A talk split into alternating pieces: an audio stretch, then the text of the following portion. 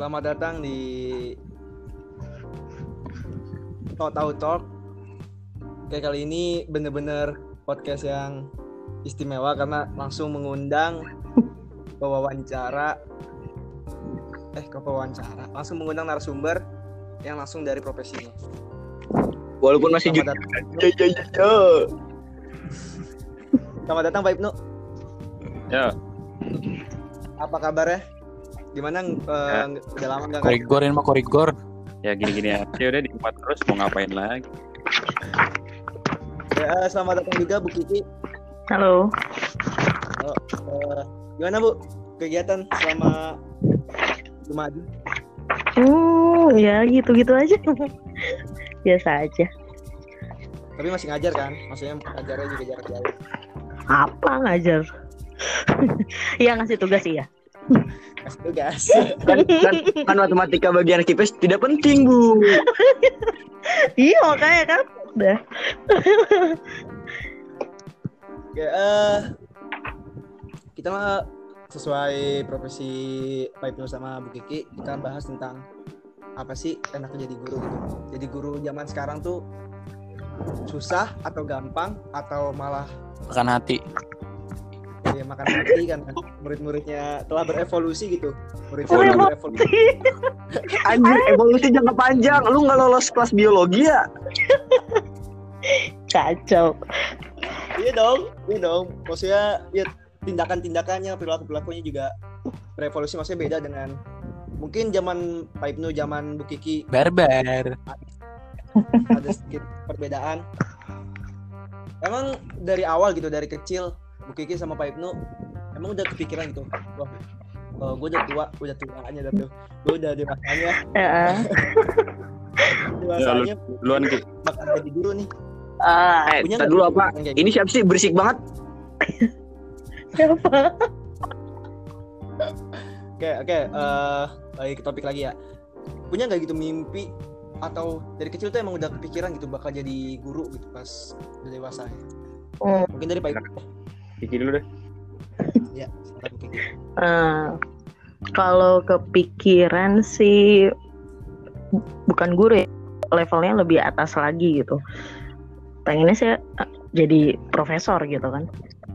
Pengennya memang niatannya udah jadi profesor di situ, tapi eh dan memang niatannya pengennya jadi profesor matematika kayak gitu. Pengennya. Tapi ternyata pas dijalanin S1 eh, seperti itu gitu. Tapi ya bukan berarti nggak nggak mau lanjut ke S2 sih. Pengen pengen lanjut gitu. Cuma eh, tunggu waktu yang tepat gitu. Dan masih tujuannya sama sih. Masih ngincer itu gitu. Ya, kalau Pak Ibnu? Gua, eh, kalau gua sebenarnya kalau cita-cita awal gua tuh ya nggak jadi guru gitu. Banyak sebenarnya cita-cita gua. Serius banyak. Bipolar. Bipolar. Contohnya. Bentar, cita-cita gue yang pertama itu yang pertama itu dokter dulu. Gue pengen jadi Eh. dokter. Terus, Yang kedua, gue jadi jadi pengen jadi translator tuh, penerjemah gitu. ah, Yang ketiga, pengen jadi duta besar di salah satu negara gitu. Yang keempat, jadi chef gitu. Ai. jadi kayak Oh, ini sangat ini ya, sangat jauh ya. ya, begitu emang. Tapi ketika gue mulai sekolah SMA ada penjurusan gue masuk IPS artinya cita-cita jadi dokter gue kebuang gitu. jadi chef juga prosesnya susah akhirnya kebuang juga dan akhirnya ya gue masuk kuliah dengan jurusan pendidikan ya ya udah terima aja gitu karena susah gitu. Eh tapi sebelum itu ketika memang udah oh jadi guru nih awalnya ada sedikit penyesalan atau enggak? Karena kan beda tuh sama cita-cita awal. Apalagi tadi mau jadi chef mau jadi translator Diplomat. jadi diplomat. Nah itu maksudnya ada nggak sih rasa ya kok gue cuma jadi guru ya Ki, ki lu ki lu ki. Emang udah jalan. kalau gue mah eh ya kalau guru dengan profesor kan agak berbeda ya. Maksudnya mirip. mirip tapi secara tingkatan berbeda kayak gitu. Ya untuk kondisi sekarang sih masih kayak ah, gitu. kayak kurang katanya gitu. Kurang kurang kurang greget. Dan orang tua pun juga masih masih kurang ser bisa dibilang. Jadi ya masih yang ngerasa kurang gitu. Tapi bingung juga mau mau improve kayak gimana gitu kan. Harus kalau mau sesuai sama tujuan yang dari awal berarti S2 kalau S2 harus ke matematika lagi aduh. Bosan di situ. Jadi masih masih ya masih menikmati proses yang ada di sekarang kayak gitu dan masih ada rasa penyesalan sih kenapa nggak coba-coba yang lainnya lain juga gitu Coba ketawa sih anjir. Tadi pertanyaan apa sih gue lupa deh. Astagfirullahaladzim. awamat Jadi- Jadi kan maksudnya kan kita kita awal kita awal tadi jadi pemat, jadi apa translator, jadi chef. Nah sekarang malah jadi guru. Nah itu ada rasa awalnya itu rasa penyesalan atau rasa kenapa sih lu cuma jadi guru? Iya. Ada nih? Nyesel mah enggak gitu ya. Karena Bersyukur. prospek untuk ke depannya guru itu juga cukup eh ya cukup mensejahterakan buat kantong gitu kan kalau udah jadi PNS gitu Belum- kalau belum lu berangkat di gurun pasir gitu ah iya betul enggak enggak kalau gua nggak ada penyesalan nggak ada penyesalan Tapi bakal mau lanjut nggak? Maksudnya kan apa guru eh pengen gitu misalkan S2 atau lanjut ke S3 kan kalau Bu Kiki oke emang tujuannya profesor pasti harus ke S2 nah kalau Pak Ibnu? Kalau gue tetap tetap jadi guru. Meskipun S2 bakal profesi gue bakal tetap jadi guru gitu. Karena emang cukup sesuai dengan passion gue untuk mengajar. Walaupun tidak mensejahterakan, Pak. sejahtera kan tergantung penafsiran orang gitu. Ya. Oke, eh susah nggak sih jadi guru sekarang? siapa yang jawab? Susah nggak? Oke gue deh. Hmm. kalau gue pribadi ditanya susah atau enggak jadi guru zaman sekarang gitu bagian susahnya adalah kita yang memfasilitasi siswa yang susah gitu. Kenapa? Karena kebutuhan siswa beda-beda. Tapi sistemnya atau tuntutan dari sistemnya itu sama. Ini yang ini yang menurut gue tuh eh, susahnya jadi guru gitu. Nah tugas guru kan ada dua nih. Kalau menurut gue itu yang pertama adalah mengajar, yang kedua mendidik. Kalau mengajar ini ya masih bisa gua atasi lah gitu, masih gampang gitu. Nah yang sulit ini adalah mendidiknya gitu. Mendidik menjadi seseorang yang kalau kata Pramudia Anantatur itu manusia yang adil sejak dalam pikiran itu yang susah.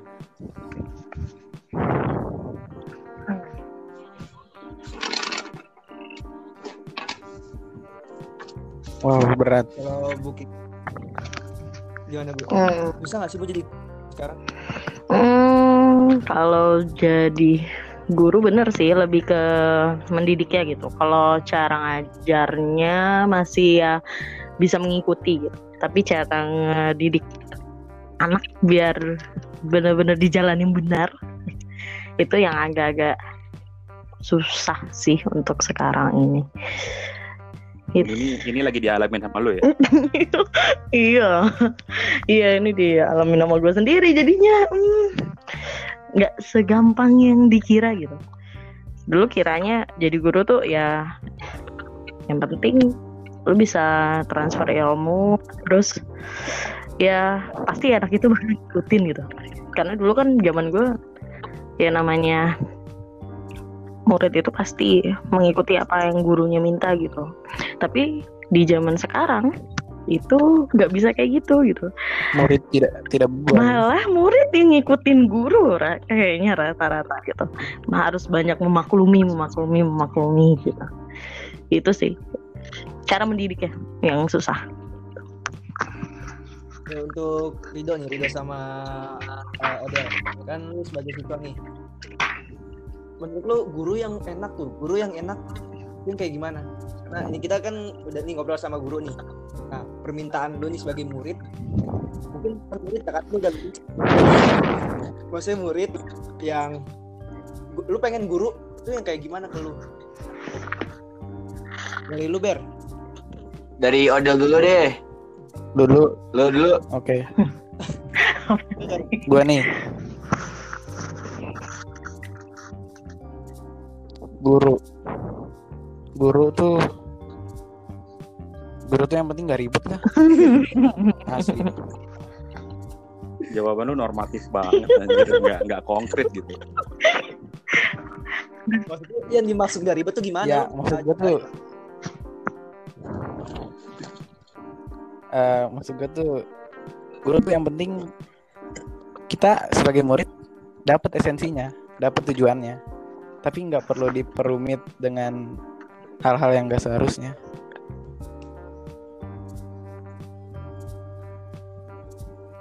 tes Del masuk. Gimana gimana? Masuk. Ulang ulang. Ya, maksud gua guru tuh kan ngajar kan ada tujuannya kan. Pasti ada tujuannya. Dan gua mau guru tuh ya kita tetap dapat tujuannya, tetap dapat esensinya, tapi nggak perlu dengan cara yang terlalu ribet. Ada contoh?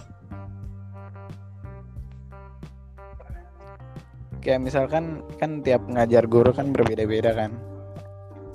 Ada yang misalkan guru A itu ngajarin materi yang sama dengan tujuan misalkan pelajaran bahasa Inggris lah.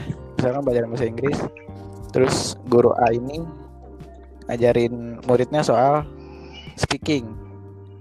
Nah, eh, yang guru A ini dia mengajarkan dengan cara yang ribet ribetnya dalam artian mungkin mungkin itu cara dia tapi dia ribetnya tuh kayak ini murid disuruh-suruh ini dulu disuruh ini dulu disuruh itu suruh ini suruh itu. Padahal tujuannya sama sama-sama bikin murid itu bisa dalam materi speaking ini. Nah ada di guru B. Guru B sama dia ngajar ngajarin materi tentang speaking juga. Tapi guru B ini lebih singkat gitu dalam ngajarin. Dia langsung kasih tahu kita tips-tipsnya kasih tahu kita ya cara untuk memudahkannya lah jadi eh, ada dua guru gitu yang guru A ini membiarkan kita untuk mencari tahu sendiri atau kita supaya dapat pengalaman dan guru kedua ini yang simpel aja gitu Padahal dua-duanya dua-duanya ini guru tujuannya sama, biar kita bisa menguasai materi itu. Dan gue lebih prefer ke guru B yang simpel aja. Pandangan lu Ber. Pandangan gue tentang guru. setiap orang, setiap manusia punya karakteristik yang beda, berbeda-beda kan. Uh, ketika dia dilahirkan dan dibesarkan dengan cara yang berbeda-beda. Yang otomatis nggak bisa satu guru uh, ngikutin cara belajar eh cara uh, satu murid ngikutin ga- gaya belajar dari satu guru. Kayak misalkan kalau udah nggak cocok dari satu guru, gimana seterusnya gitu kalau emang otomatis ada tembok kan di situ.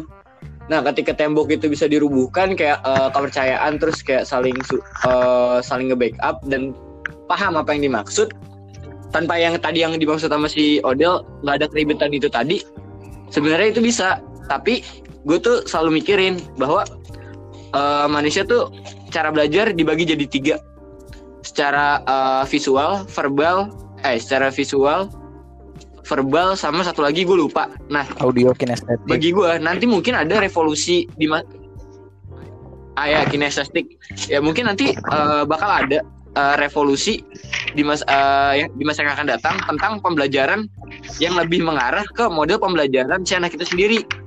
Jadi ketika anak itu sendiri udah tahu gimana cara belajar dia, nantinya dia bakal lebih mudah. Kayak gue, gue lebih ke visual kan.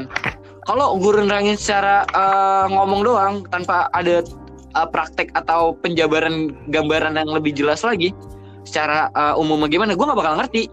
Tapi gue udah tahu kan, eh, gue ini eh, visual. Nah, ketika guru itu nggak bisa menerangkan juga secara visual ya udah, gue nyari sumber-sumber eh, lain gimana cara gue ngerti biar tetap eh, materi itu gak ketinggalan sama gue. Nah, sementara bagi gue belum ada yang sadar tentang eh, tiga cara belajar yang gue maksud itu tadi.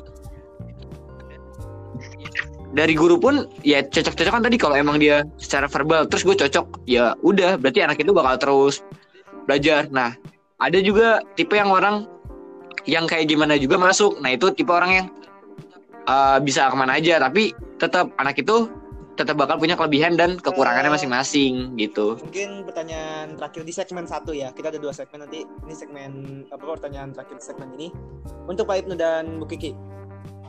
Pak Ibnu dan Bu Kiki itu bisa dibilang kalau di guru di SMA kita tuh guru yang enak. Nah sekarang maksudnya ceritain dulu enak gak enak jadi guru yang di- dianggap enak itu gimana? Ngerti nggak? Aduh. Hilang, hilang. enaknya ya dibilang enak mungkin kalau gue sih ngeliatnya mungkin eh karena gue termasuk orang yang gak ribet jadi to the point gitu kalau misalkan mau ngajar ini ke sini ya udah tujuannya itu gitu Ah, karena banyak Nice. anak juga yang cerita kalau sama ini kok beda sih gitu. Nah itu sih yang buat ada senengnya gitu.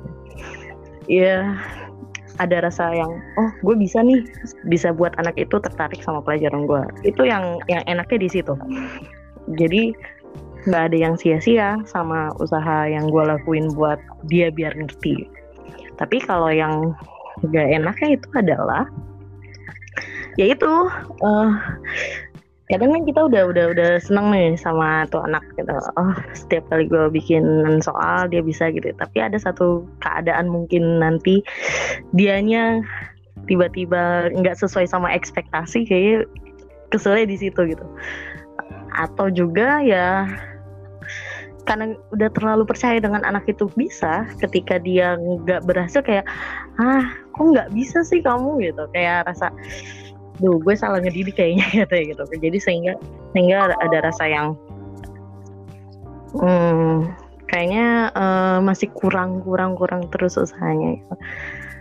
kayak gitu sih. Ya ada ada enaknya ada enggaknya gitu. Enaknya ya itu seneng gitu. Oh gue bisa buat anak ini ngerti gitu. Teori gue bisa dia pahamin gitu. Tapi kalau yang nggak enaknya itu ya itu tadi. Kadang ada satu kondisi nggak memenuhi ekspektasi gue terhadap seseorang. Atau juga ya itu anaknya nggak bisa dikasih tahu. Jadi itu yang yang bikin agak agak agak nggak enaknya di situ. Tapi overall sih lebih enak sih. Karena nyantai.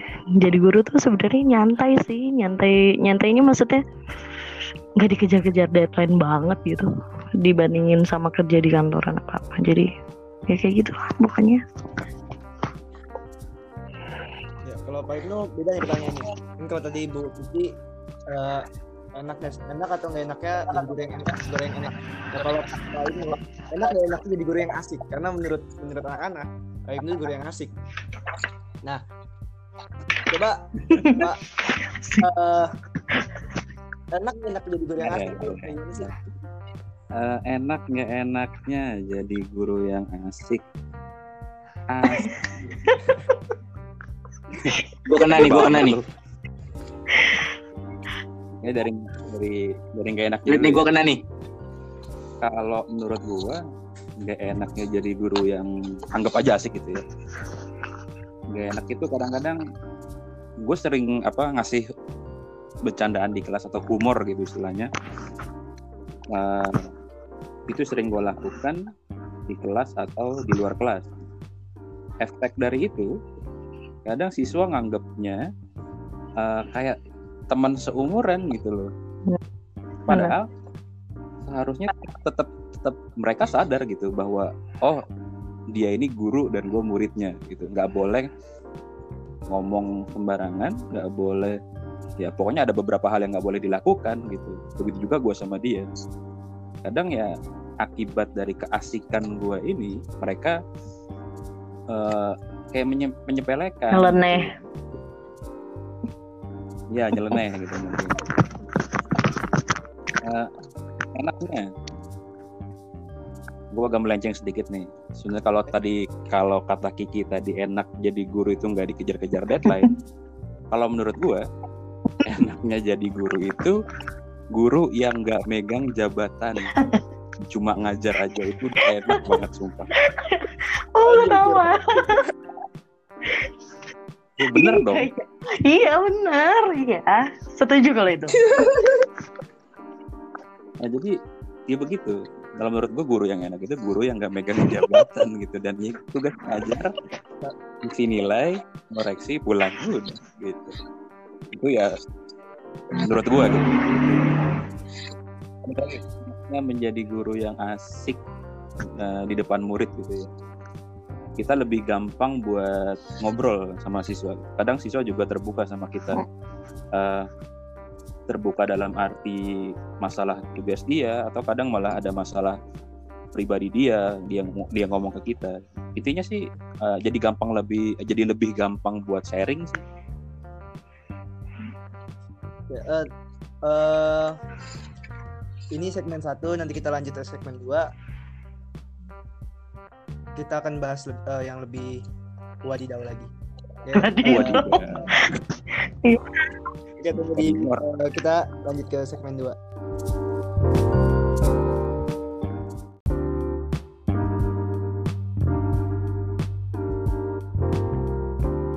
Ya, eh, kita udah ada di segmen kedua. Kali ini tadi kan masalah personal, masalah personal eh, dari narasumber kita Bu Kiki dan Pak Ibnu. Sekarang lebih masalah yang lebih luas gitu. Menurut Bapak, menurut Ibu dan menurut Dober nih, bagaimana sistem pendidikan saat ini? Apakah udah benar atau masih harus lebih benar atau bahkan eh, bobrok sama sekali? coba dari yang paling muda dulu deh Iya, coba Ber. Lu Yang paling muda. Kayak muda. Am. ya nanti nanti gue juga menyampaikan pendapat gue kok. Sistem pendidikan yang ada di Indonesia tuh bagi gue pribadi tadi masih banyak banget yang harus diperbaikin, masih banyak banget yang harus dikejar ketertinggalannya karena tujuan dari pendidikan tuh ngapain sih selain mencerdaskan anak bangsa kan buat menghadapi apa eh, menghadapi dunia global dunia pekerjaan secara global kan kayak menghasilkan orang-orang atau individu yang seperti apa kan.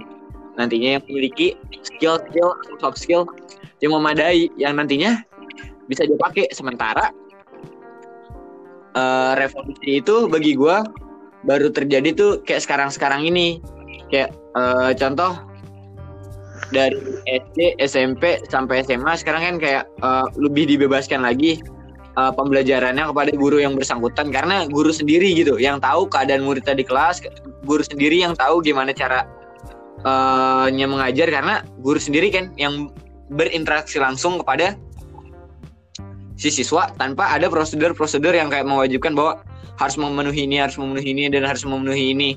Nah itu salah satu bagi gue langkah besar banget. Tapi masih banyak banget langkah-langkah yang harus diterap, eh, dilakuin atau regulasi yang harus dibuat oleh pemerintah biar nantinya lebih menghasilkan orang-orang yang lebih berkualitas lagi di masa yang akan datang gitu sih.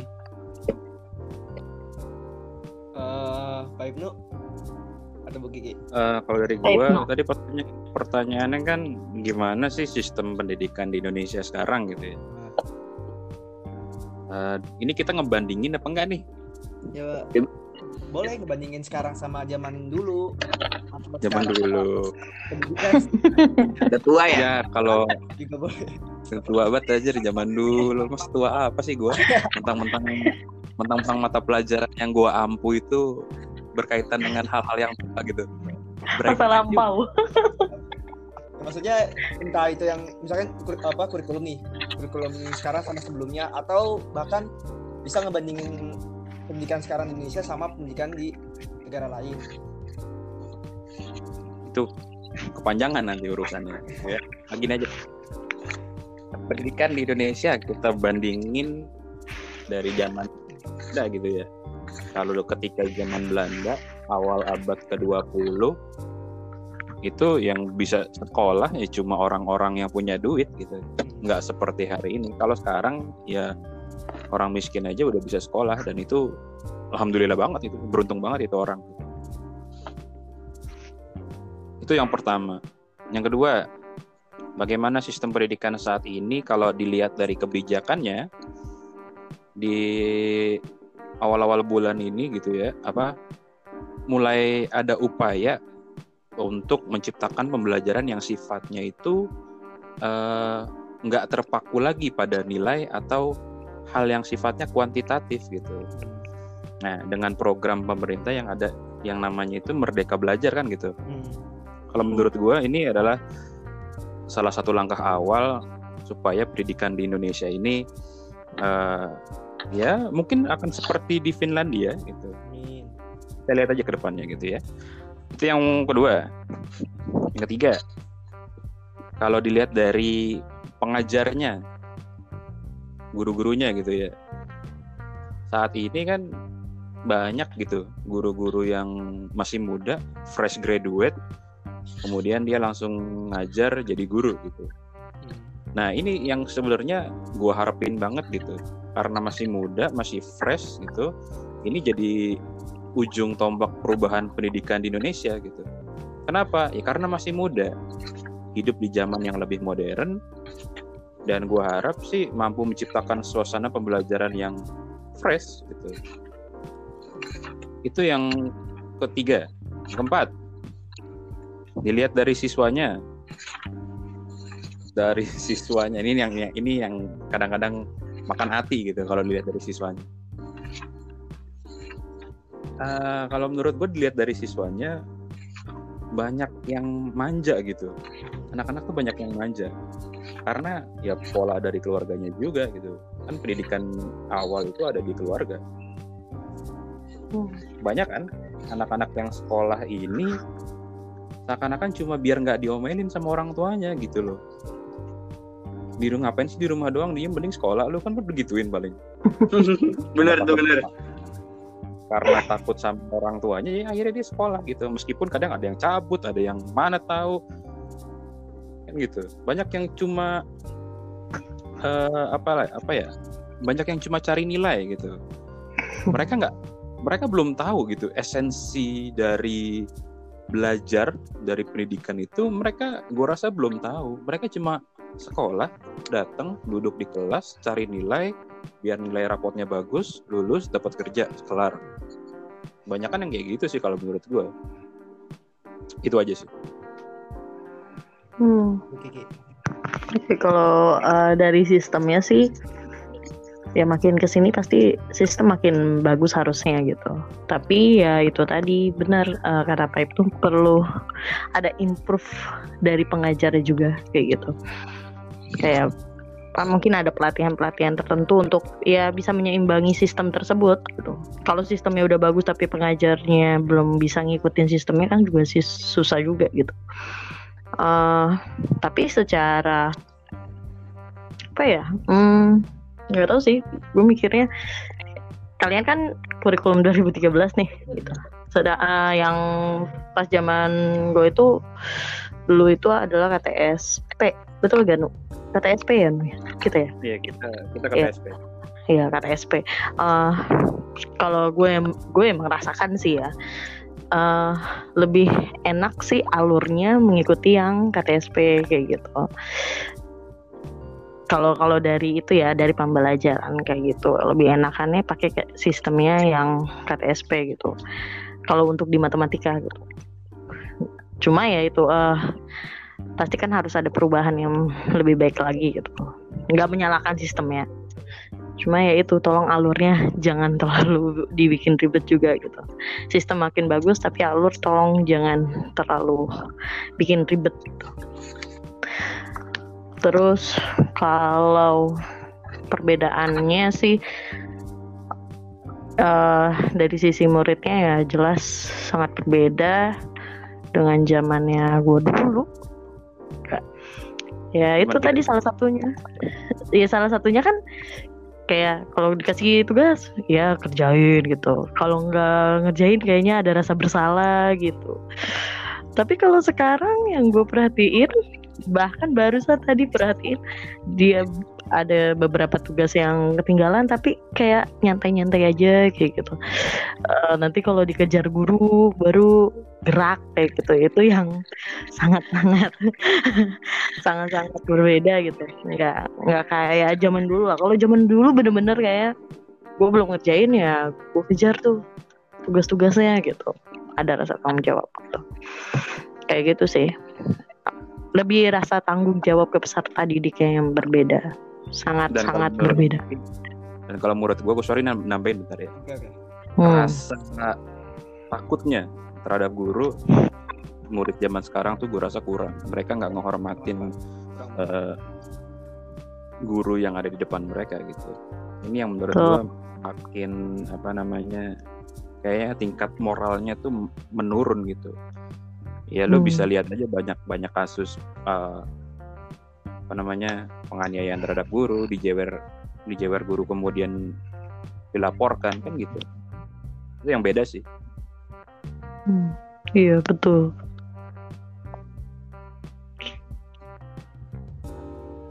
itu tanggung tanggung jawab siapa dan apa yang harus dilakukan untuk moral tuh seenggaknya balik lagi ke zaman dulu yang yang ke zaman dulu lah yang murid masih menghormati guru terus Balik lagi kalau ap, oh, lagi lagi Hmm. Ya itu ya balik lagi ke dalam lingkungan di tua keluarganya gitu. keluarga sih. Iya, iya lingkungan dari keluarganya, orang tuanya. Ya. Dulu orang tua, cuman dulu nggak nggak nggak nggak apa ya? Maksudnya gu, apa yang dididik guru itu ya pasti benar gitu kan. Maksudnya nggak nggak ada yang aneh-aneh gitu. Kalau dia misalkan dijewer ya balik lagi ke anaknya gitu kan nanya ngelakuin kesalahan nggak gitu.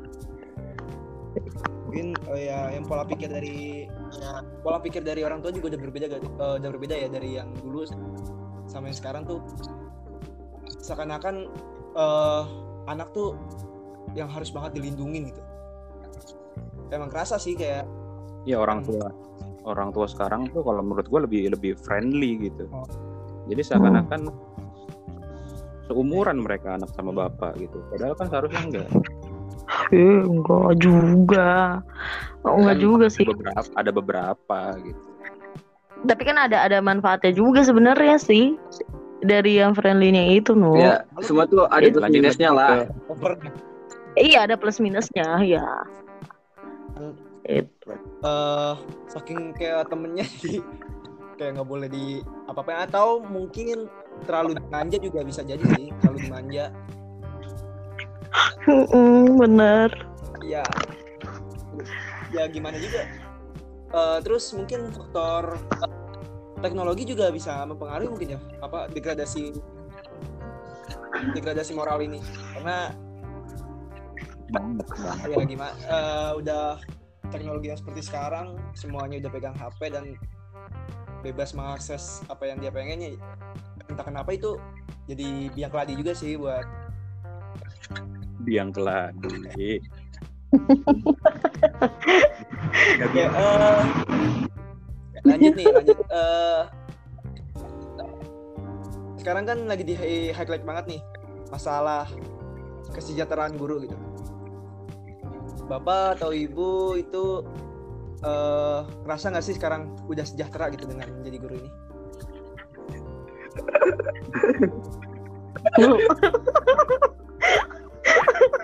Oh, lu dulu nih, no, yang jawab, no. iya iya. Iya iya iya. Sejahtera aduh. Eh, sejahtera dalam hal apa nih? Dalam hal finansial atau sejahtera dalam hal Kebahagiaan. berpikir. Apa apa nih Ya, apa nih? namanya juga manusia butuh uang butuh makan kan? Oh, berarti ya berarti finansial dong ya. Bisa nggak sih guru jadi sejahtera dari segi finansial? Pertanyaannya gitu. Iya. Bisa. Jawaban gue bisa. Asal jadi PNS gitu. Ya. Dari tadi juga kalau lu mencari kalau lu mencari kesejahteraan sebagai guru honorer itu gua rasa sangat sulit kecuali kecuali lu menjadi guru di sekolah swasta dan dijadikan eh, guru tetap yayasan istilahnya gitu. Kalau di situ mungkin bisa dompet lu terisi. tergantung sama sekolahnya juga Nah, itu dia. Ya intinya gitu kalau mau sejahtera dari finansial ya jadi PNS gitu. Gue rasa sebelum ada uh, peraturan yang benar-benar menentukan nasib guru honor mau ke mana itu bakal sulit buat biar dapur ngebul terus tuh susah.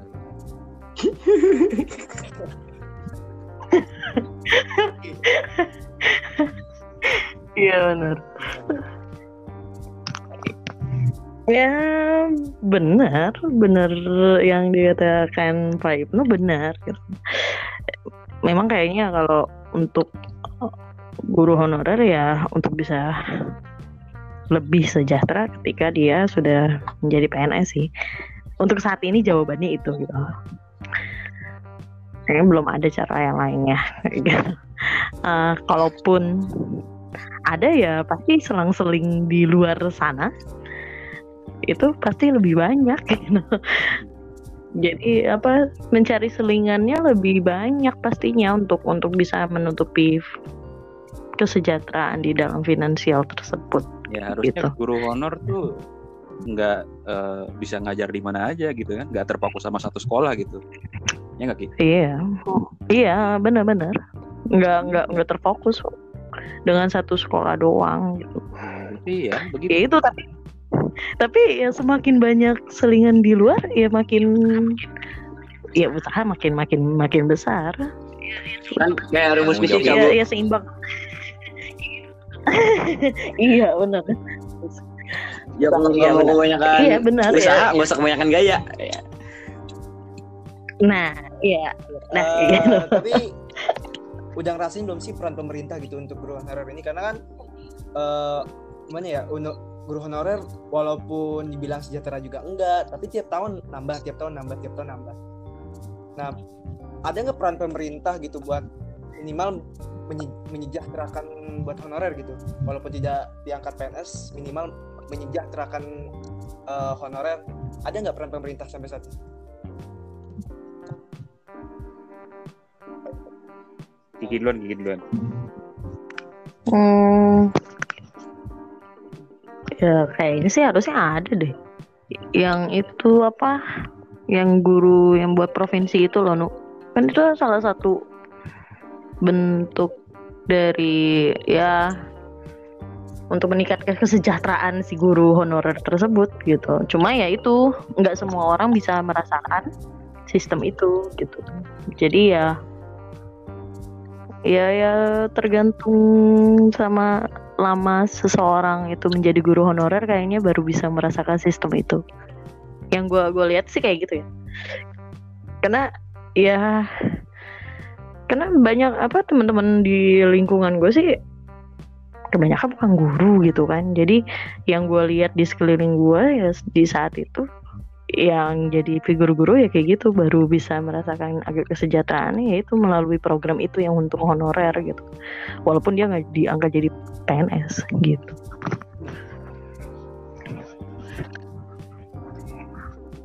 Eh, Hmm. gue sekarang ya. Kalau usaha pemerintah yang baru gue baca itu katanya 50% dana bos bisa dipakai buat gaji guru honorer gitu. Tapi dengan beberapa syarat nih. Harus ada yang namanya NUPTK. Eh, apa tuh NUPTK apa? Nomor urut pendidik untuk tenaga pendidikan. gitu. Harus ada itu. Terus kemudian eh, harus punya serdik katanya. Hmm?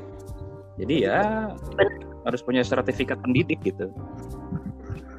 Dan kita berdua nggak punya gitu. Cara Cara mendapatkannya?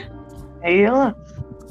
Cara mendapatkannya lu kuliah lagi setahun di kampus pendidikan kayak UNJ atau UPI atau pokoknya Satu atau dua?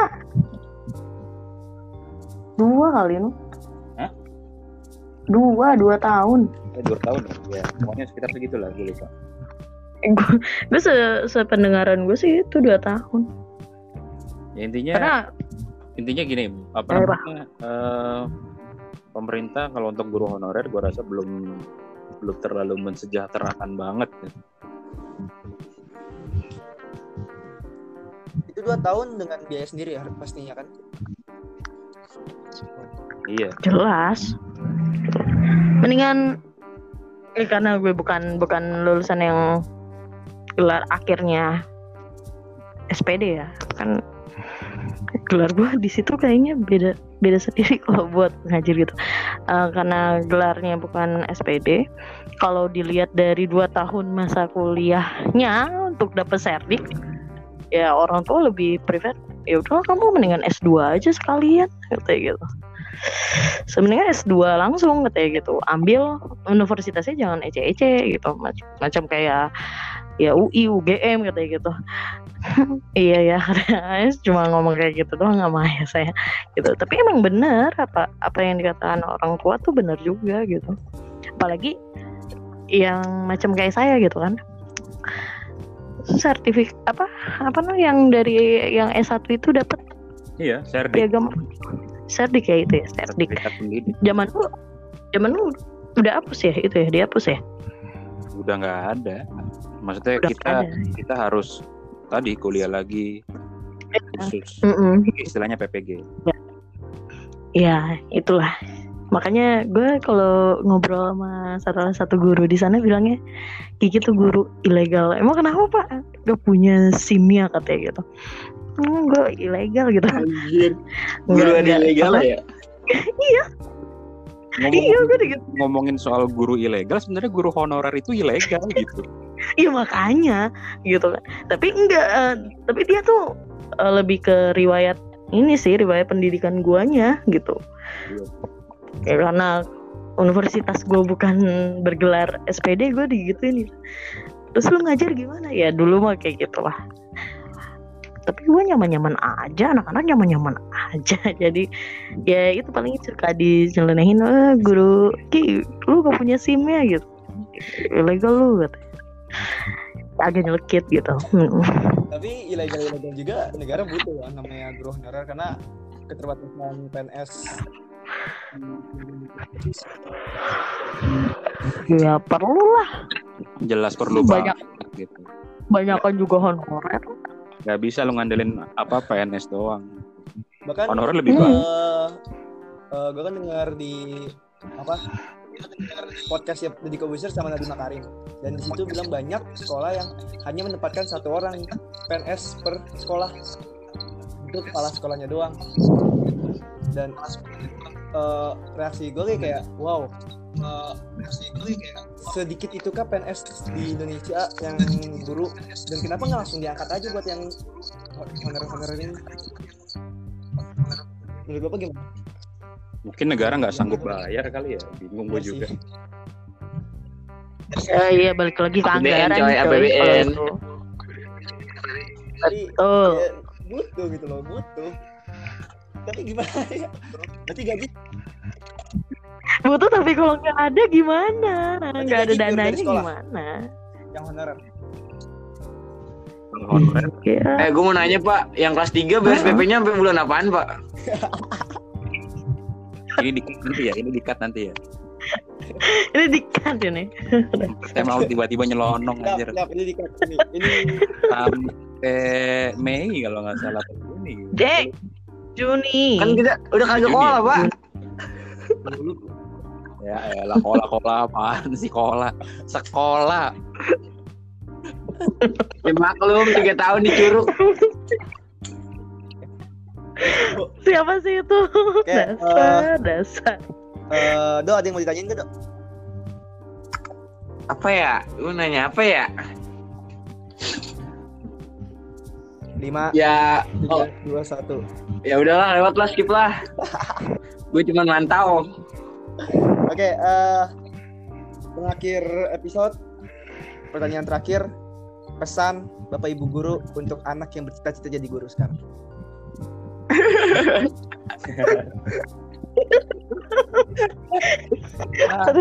Dulu. Pertanyaan macam mana? ini? Kata Pak Ibnu, ganti aja cita-cita lu, ganti aja cita-cita lu.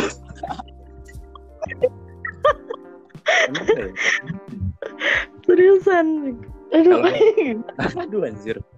Kalau dari gua hmm, buat siswa atau siswi yang pengen jadi guru gitu ya. Kalau lu cuma berusaha cari duit biar dompet lu keisi penuh terus, lu mending jangan jadi guru gitu. Karena ya berdasarkan pengalaman gua jadi guru honor itu nggak seberapa. Jadi kalau buat uh, menjadi seorang yang duitnya banyak, jangan jadi guru. Jadi pengusaha sana, jadi artis atau apa gitu. Jangan jadi guru. gitu. Guru bukan tempat nyari duit gitu, kalau menurut gue. Tapi gue nggak nyesel serius. Demi Tuhan, Tuhan yang mana pun, gue nggak pernah. nyesel Tuhan banyak berarti. Tuhan yang apa pun. Anjir. Ya, Hmm. Ya yang jadi guru, yang cita-cita jadi guru ya nggak ada salahnya sih gitu kan. Ya cuma ya itu bener kata Pak Ibnu kalau kalau buat nyari finansial di bidang guru kayaknya eh, coba ke bidang yang lainnya gitu. Karena beda banget beda banget secara finansial tuh beda banget gitu Eh, dan proses untuk menjadi guru yang profesi apa profesional yang lebih tinggi lagi gitu. Itu tuh lama lumayan lama gitu.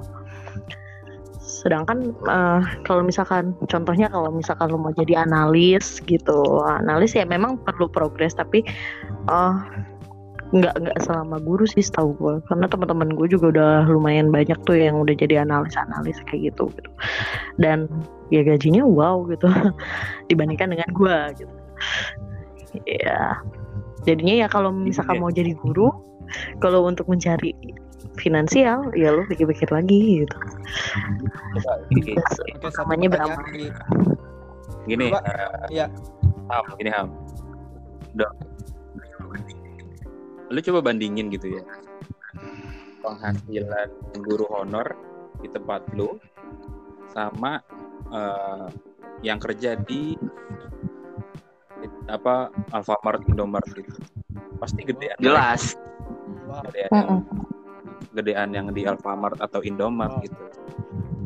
Prosesnya lebih gampang buat cari duit ya kalau bener kalau cuma pengen cari duit ya ke situ aja gitu.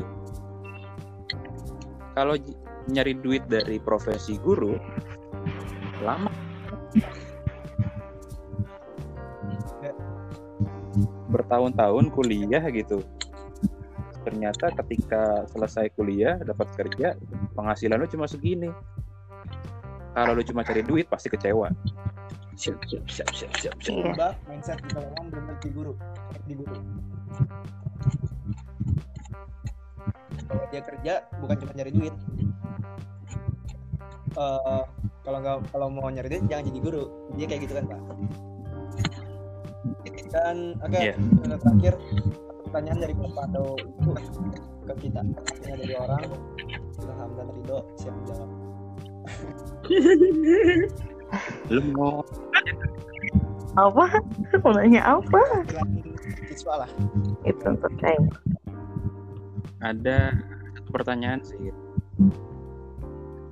Eh, ketika lu sekolah gitu ya, tiga tahun di tempat lu apa yang lu pelajari dari seorang guru gitu apa yang nempel dari karakteristik guru di lu tuh apa? Apa yang lu inget dari guru itu apa? Sabar. Searching.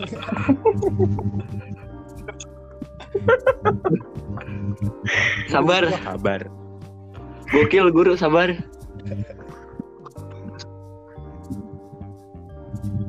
Walaupun banyak yang nggak sesuai ekspektasi, tapi ya kita kan nggak bisa eh, ngarepin apa yang kita harapin nggak selamanya bisa tercapai kan. Ya udah kira dengan kesabarannya itu dari kesabaran dari sebagian guru yang mengakibatkan ya lulu juga kita sebagai murid. Oh iya ya, oh iya ya.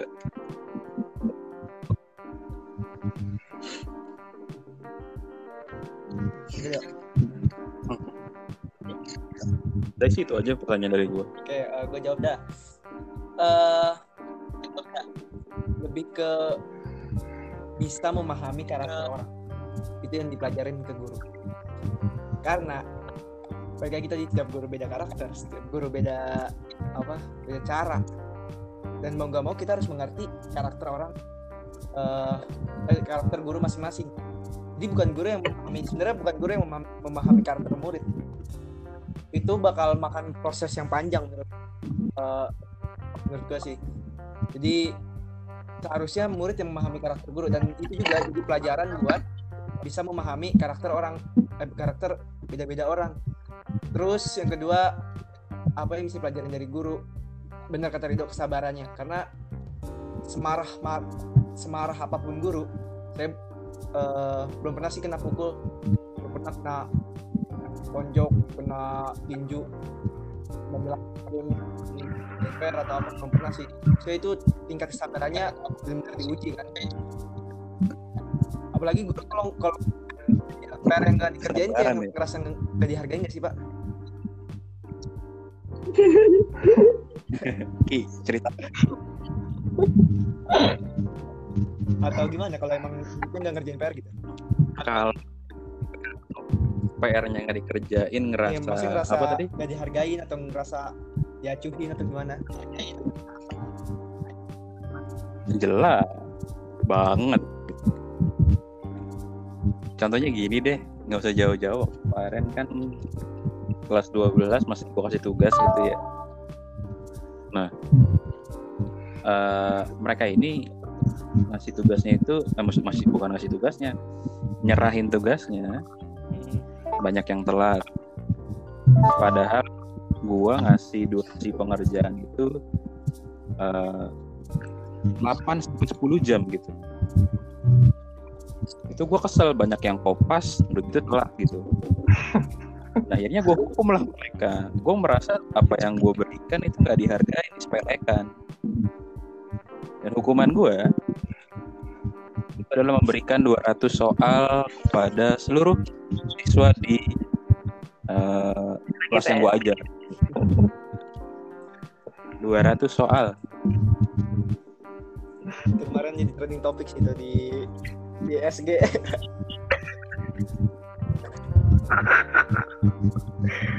Eh, dari buku itu ada pertanyaan tuh. Ya habis Hmm. Tujuan kalian sekolah itu di dalam pikiran kalian tuh apa sih sebenarnya? Apa yang bisa jadi memotivasi kalian lebih baik lagi nanti?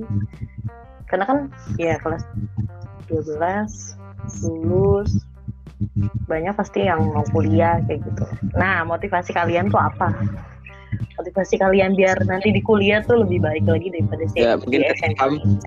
Saya pengen tahu. Apa sih? Ya Ilham, Ilham. Ya, eh, kalau saya ya, kak, maksudnya gimana ya? Motivasi pertama taraf hidup. Pasti orang berkuliah atau kuliah, pengen taraf hidup eh, hidupnya jadi lebih maju. Pasti deh, pasti. Maksudnya Oh. pengen nanti mendapatkan pekerjaan yang lebih layak, terus mendapatkan eh, taraf hidup juga terma- termasuk ilmu ya, ilmu yang lebih banyak. Yang kedua, pengalaman saya tuh pengen banget di di kuliah tuh nggak cuman jadi kupu-kupu yang orang sih kupu-kupu kuliah pulang kuliah pulang ya. Tapi pengen maksudnya menambah eh, menambah pengalaman dalam organisasi atau apa pun itu yang bisa menambah pengalaman. Jadi ada dua ada dua aspek yaitu pertama ingin menambah taraf yang kedua pengalaman. Ya Mm-mm. Kalau saya bu nih. Kalau Rido, tahun SD, SMP, SMA, nanti kuliah. Saya tahu nih bu di dunia ini kayak masih banyak yang salah. Saya tuh pengen jadi bagian yang ubah gitu, walaupun kecil apa pun itu berguna bagi orang lain, ngasih hal-hal positif, ngasih eh, pengetahuan wawasan yang saya punya pada orang lain agar mereka bisa ngasih the best part dari diri mereka sampai akhirnya dunia ini tuh bergerak lebih baik lagi itu sih kayak lebih berguna bagi orang lain kayak kalau dijelasin secara rinci mungkin bakal luber ke mana-mana ya. Tapi intinya tuh ketika saya bisa memberikan hal-hal positif kepada orang lain dan orang lain itu bisa memberikan the best part dari dirinya itu bagi saya udah senang banget.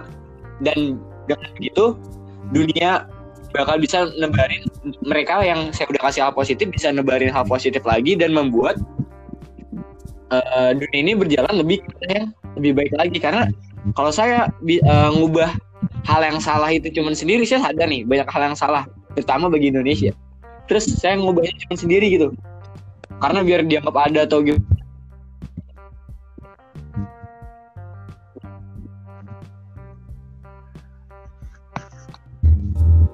Gak masuk dok. Dok. Dok. Sehat tuh. potong. Obrolannya terpotong Mana ini oke orang? eh, terima kasih Pak Ibnu Bu Kiki. Eh sehat-sehat terus tetap di rumah Eh, aja, Bu Pak. Hai. Karena oh keputus. Asli gue udah ngomong panjang lebar tadi sampai lu mau mengubah Indonesia dan lu butuh Iya, iya. orang lain butuh orang lain dan kalau kita cuma nyebarin eh, kebaikan itu sendiri tanpa dibantuin orang lain tuh kayak is impossible man buat ngubah dunia eh, apa Indonesia atau dunia ini gitu. Kayak gitu aja dah, udah capek gue.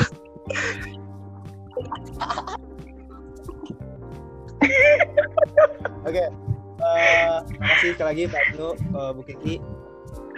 Sehat-sehat terus, eh, tetap di rumah aja karena corona makin mengganas setiap harinya. Eh, tadi dulu dah, tadi dulu, tadi dulu, tadi dulu, tadi dulu. Di Gua, ini cuma kayak teleponan aja ya. Potong aja, potong aja. apa? Mungkin nggak kalau SBM gak dia, di- ditiadakan, pemodelan seperti apa yang bakal masuk eh apa kriteria masuk suatu universitas nantinya? Kalau emang SBM nih nggak nggak nggak bisa nih, gimana nantinya? pasti nilai rapat. Ujian mandiri paling. Kampus yang ada. Nggak boleh- misalkan nggak boleh ngumpul. Ya nggak boleh ngumpulin gitu pak, nggak nggak boleh keluar. Oh gitu. Rapat pasti. Ujian online ya apalagi emang. Gua nggak tahu soalnya. Ya. Bisa nggak sih kayak eh, portofolio apa atau esai lu atau wawancara lu? Bisa nggak sih? Kayak masuk kerja. Iya kemungkinan. Bisa. Oke gitu banget. Gue kemungkinannya wawancara ada. dia sama orang UGM Bisa sekarang. aja, bisa aja itu. Pede banget lu. Oke. Udah lah, udah lah. Nah, ya, ya, sampai jumpa di See you in the next talk. Total Talk selanjutnya. Makasih Pak, Bu, Dok. Ya. Oh. thank you